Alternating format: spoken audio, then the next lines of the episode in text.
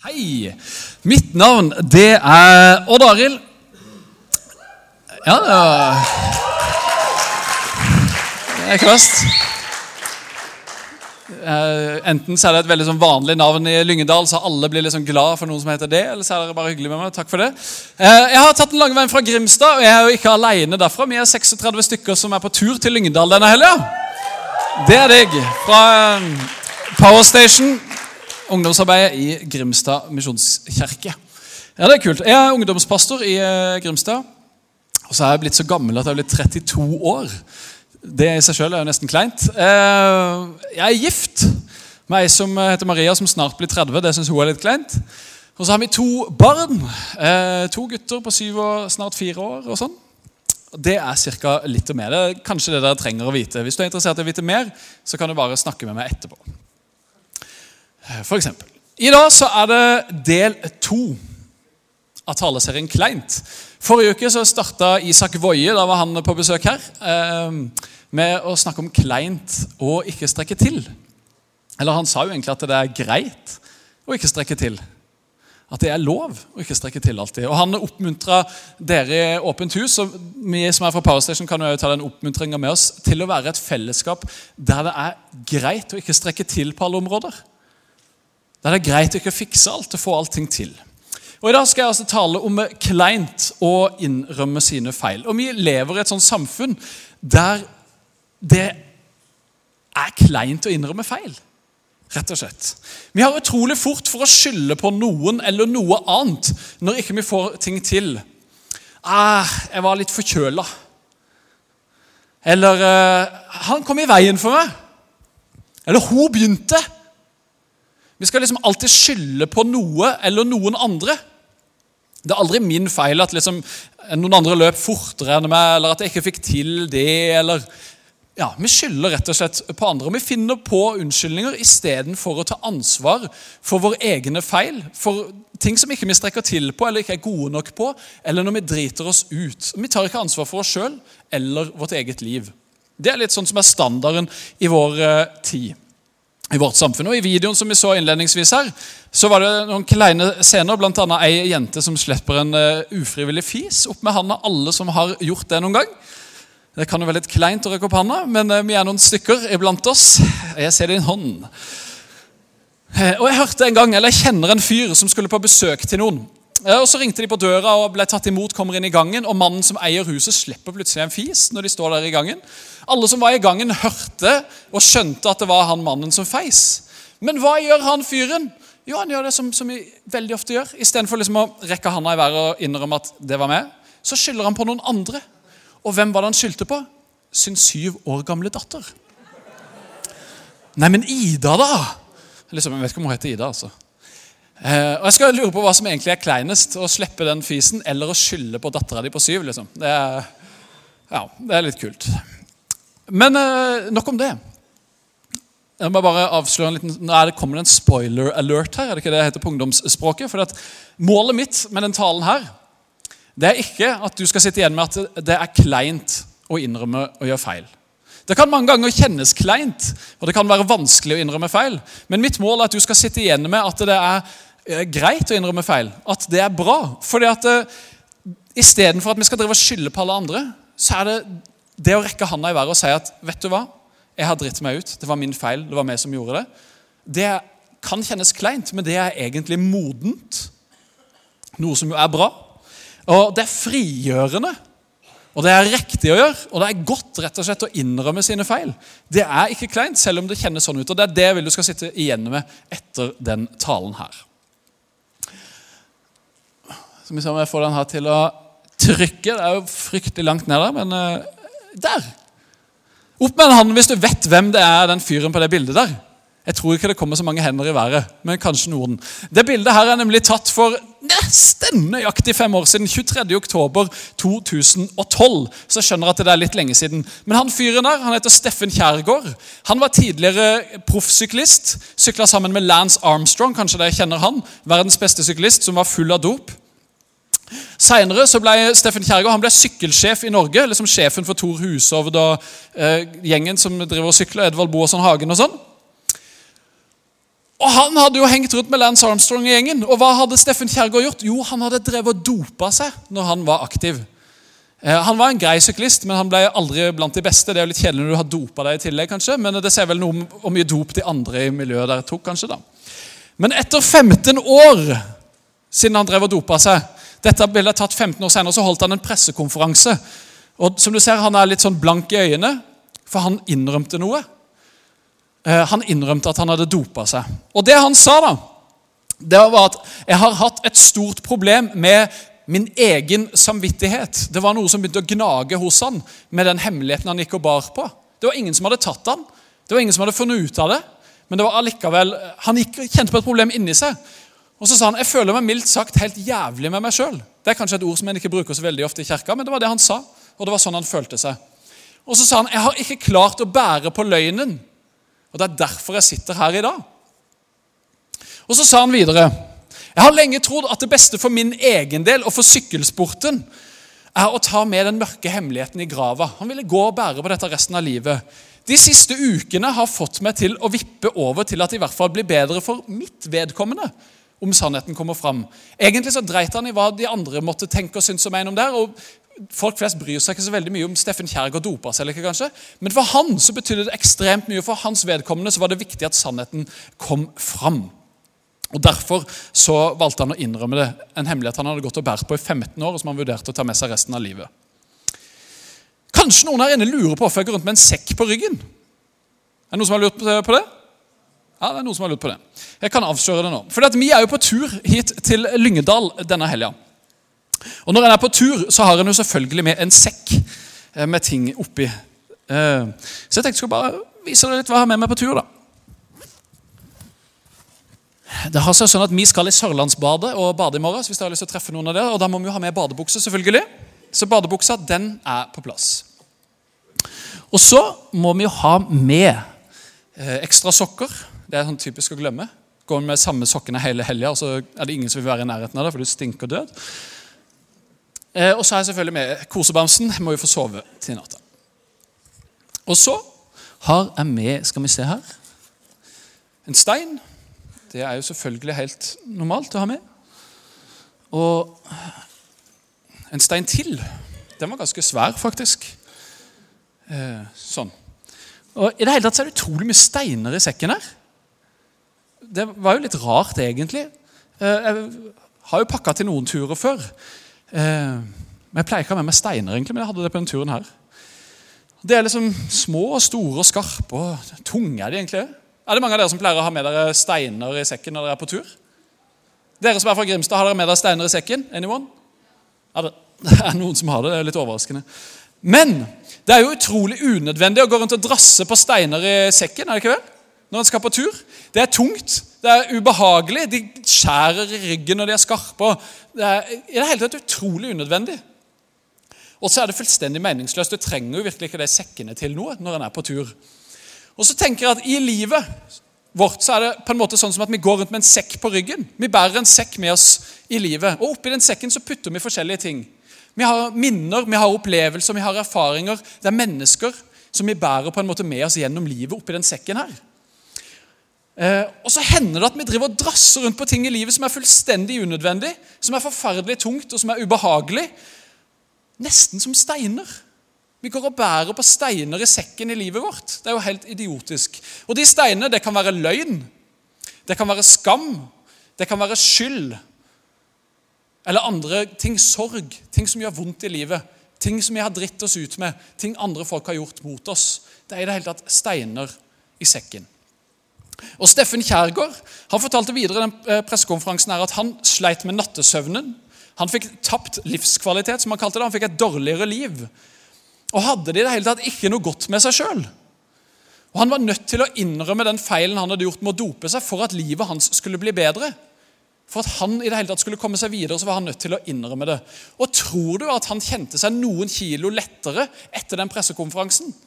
Der han hadde bekjent for hele Norge at 'jeg har dopa meg', 'jeg har gjort noe som er ulovlig, som er farlig', og som i det hele tatt er litt sånn der sett ned på.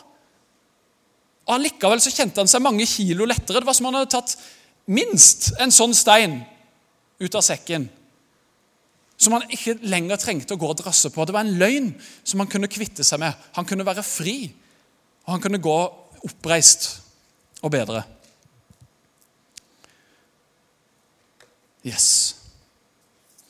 I Bibelen da, så har vi masse folk eh, som eh, ligner på oss. En av de ligner egentlig en del på Steffen Kjærgaard. Jeg vet ikke om han så sånn ut som han, men som type. Og Bibelen den er full av mennesker sånn som du og meg, som opplever vanlige ting i livet som er utfordrende og vanskelig, sånn som du og meg. Og En av de fyrene han heter David. Kong David, kanskje du har hørt om han. Han var konge i Israel.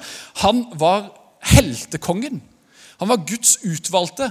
Han var den alle i Israel så opp til. Han var liksom number one. Stjerna, sjefen. Den kuleste. Det var han som eh, hadde slått Goliat som liten gutt. Kjempen Goliat, for de av dere som har hørt den historien. Og En kveld mens David var konge, så gikk han rundt på slottstaket.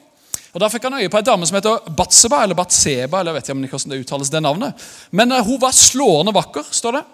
David likte iallfall det han så, og han fikk uh, hun til å komme til rommet sitt. David var konge, han kunne på en måte gjøre som han ville. Han forhørte seg hvem er den der deilige dama på slottet som driver bader der henne. Han fikk vite at det var Batseba, at hun var da kona til Uria. En av soldatene til David. Og han var ute i krigen, denne Uria. da. Men eh, David fikk da Batseba til å komme til rommet sitt. Eh, og Da skjedde det som ofte skjer. De hadde sex, de lå sammen. Og så blir Batseba gravid. Selvfølgelig. Og David han gjorde alt hva han kunne for å prøve å skjule den feilen han hadde begått. Han prøvde å få Uria hjem fra krigen. Han fikk han faktisk hjem fra krigen, Sånn at Uria kunne ligge med Batseba. Sånn at det skulle se ut som at Uria var blitt pappaen til det barnet som hun var gravid med. Eneste problemet var at Uria han nekta det. Han var jo i krigen. Ingen av de andre soldatene fikk gå hjem og kose med kona. og da skulle ikke han heller det. Så David prøvde å skjenke han full, til og med, men selv når han er drita full, så har han nok karakter og integritet til ikke å gå hjem til kona si. Så han avstår fra den fristelsen. Og Da finner David på at jeg må gjøre noe annet for å bli kvitt problemet mitt. Jeg sender Uria tilbake i krigen. Jeg gir beskjed om at han skal stelle seg helt forrest eh, når vi skal gå til angrep, for der er det størst sannsynlighet for at en blir drept. Det er noe som heter Urias post i vårt eh, vokabular i dag i Norge. og Det er pga. den posisjonen som er veldig utsatt. Selvfølgelig så dør Uria, og David tenker at ah, problem solved, endelig. Nå har han rydda av veien. Batseba blir min kone, og alt er greit. Tilsynelatende. I hvert fall på utsida. Det som er Problemet til David er at selv om alt ser greit ut rundt, han har liksom fått rydda vekk problemene rundt seg, så er det litt sånn som Steffen Kjærgaard, han kjenner at det er et eller annet inni, seg, inni han som ikke er helt greit. Han begynner å få en gnagende dårlig samvittighet. Fordi at Selv om vi vasker og gjør det ryddig og rent på utsida, så kan det være forferdelig skittent inni på innsida. Og sånn var det hos David. Og han har skrevet, David han har skrevet masse salmer i Bibelen. Det fins 150 salmer, og han har skrevet kanskje 70 av dem. Han var en skikkelig multikunstner. Eh, og han har skrevet noe, Det er ikke 100% bankers at han har skrevet dette etter hendelsen med Batseba, men det er jammen ikke utenkelig. Fordi at Han skriver i Salme 32, i vers 3 og 4, så skriver han Så lenge jeg tidde, altså mens han holdt kjeft og ikke sa noen ting, ble mine knokler tæret bort mens jeg stønnet hele dagen. For dag og natt lå din hånd tungt på meg, min livssaft svant som i sommerens hete. Ikke ulikt Steffen Kjærgaard så ble han utmatta. Han ble på en måte, Det gikk utover livskvaliteten hans, hele livet hans. Og hvis en holder på eh, hemmeligheter, på løgn, så kan en faktisk bli fysisk syk av det. Du har kanskje opplevd det sjøl hvis du har gått og holdt noe skjult. Så er det forferdelig tungt og vanskelig. Og Særlig hvis det er store ting. Kanskje du har jugd for foreldrene dine en gang, eller stjålet noe i en butikk, eller noe sånt, og så går du og bærer på den hemmeligheten, og så blir det veldig vondt. og så Til slutt så, så får du ikke sove om nettene. Og du mister energien og livet blir egentlig drit. Det var det David opplevde, det var det Steffen Kjærgaard opplevde. Og Jeg har lyst til å fortelle en uh, historie fra mitt eget liv. Når Jeg var, uh, jeg er gift med da Maria, som fyller snart 30, og vi har vært sammen siden hun var 13 år. Så vi har jo levd mye av livet vårt sammen. Og Når en er ungdom og forelska kjæreste, og sånn, så er det en del ting som er utfordrende. Blant annet det at en kan jo ha lyst til å ha sex med hverandre. For eksempel. Og Det var en skikkelig utfordring for Maria og meg. Det var en stor fristelse. Og jeg kan avsløre at vi klarte ikke å holde oss eh, fra å ha sex med hverandre. da. Eh, og så var jo jeg kristen, tydelig kristen i klassen. Og når jeg gikk i tredje klasse på videregående, så var det ei jente i klassen min som spurte rett ut liksom, hvordan går det an å Eh, hun snakka litt om en gutt som hun drev og holdt på med. og styr, og så sa Hvordan går det liksom an å ligge i samme seng og skulle liksom sove ved siden av hverandre eller uten å gjøre noe? Og så var jeg liksom litt sånn kjepphøy og kul og tøff, så jeg jugde henne rett opp i trynet. For jeg trodde jeg skulle være sånn god kristen, så jeg sa ah, det er jo ikke noe problem. Det er jo bare å bestemme seg for det. Og jeg visste veldig godt at det er virkelig et problem. Eh, det er ikke bare å bestemme seg for. Det er vanskelig. Aldri finn på å legge i samme seng med ei jente hvis ikke du er gift og har lyst til å vente til du er gift med, har sex. Det er ikke så lett. Eh, men samme det. Eh, noen av mine kompiser sto rundt. De visste åssen mitt liv egentlig var, så de rynka litt på nesa, men hun jenta gjorde ikke det. Hun var jo blitt jugd rett opp i trynet.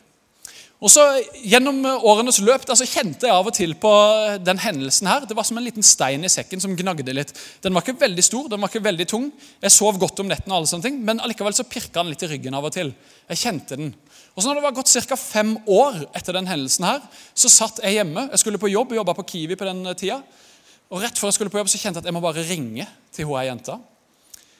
Og bekjenne og innrømme hva feilen min.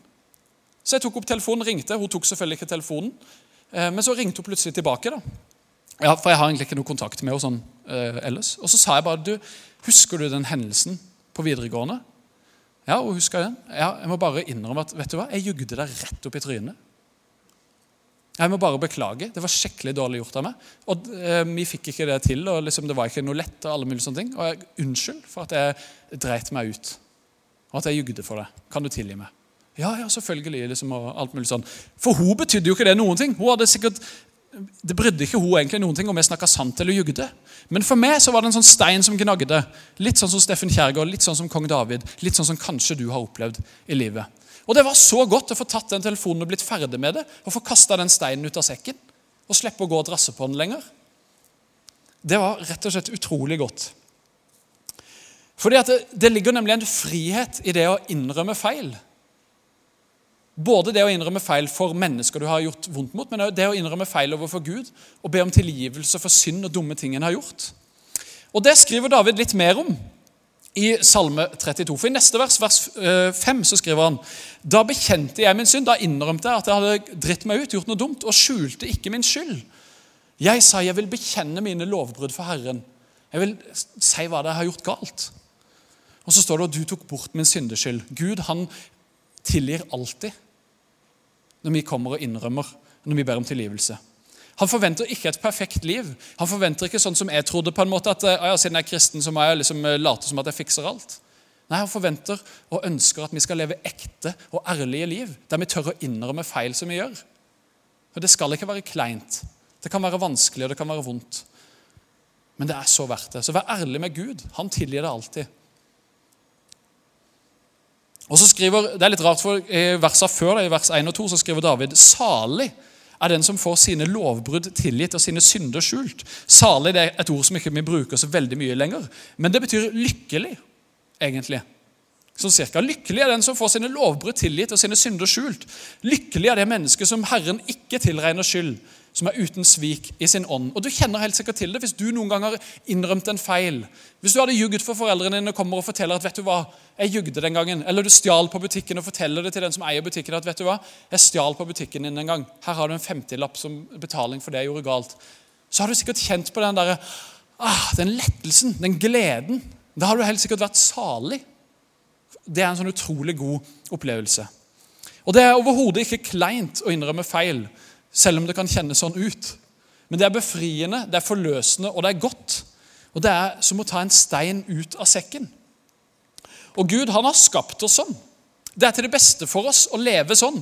At vi lever ærlig og ekte med livet våre. Og At vi slipper å gå og bære på unødvendige ting i livet og ta på seg maske og late som om vi er noen andre eller noen bedre enn den vi egentlig er. Vi er gode nok sånn som vi er. Vi kan få lov å være oss sjøl. Og vi kan få lov å innrømme de feilene som vi begår. For alle mennesker driter seg ut med jevne mellomrom.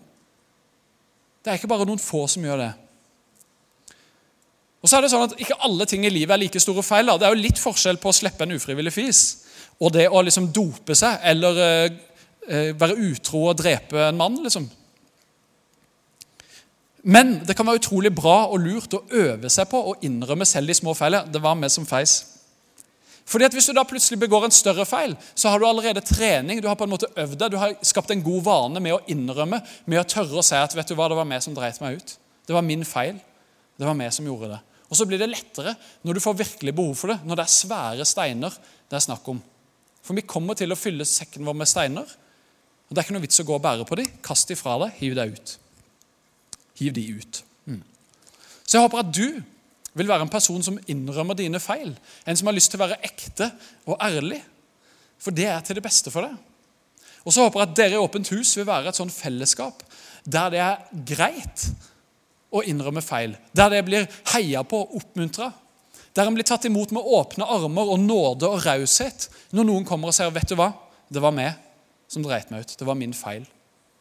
Så kan vi møte hverandre sånn som Jesus møter oss, sånn som Gud møter oss. Han tar oss imot med åpne armer. Han sier, 'Jeg tilgir deg. Kom her. Det er nåde. Takk for at du er ærlig. Takk for at du er ekte. Takk for at du innrømmer feilene dine.'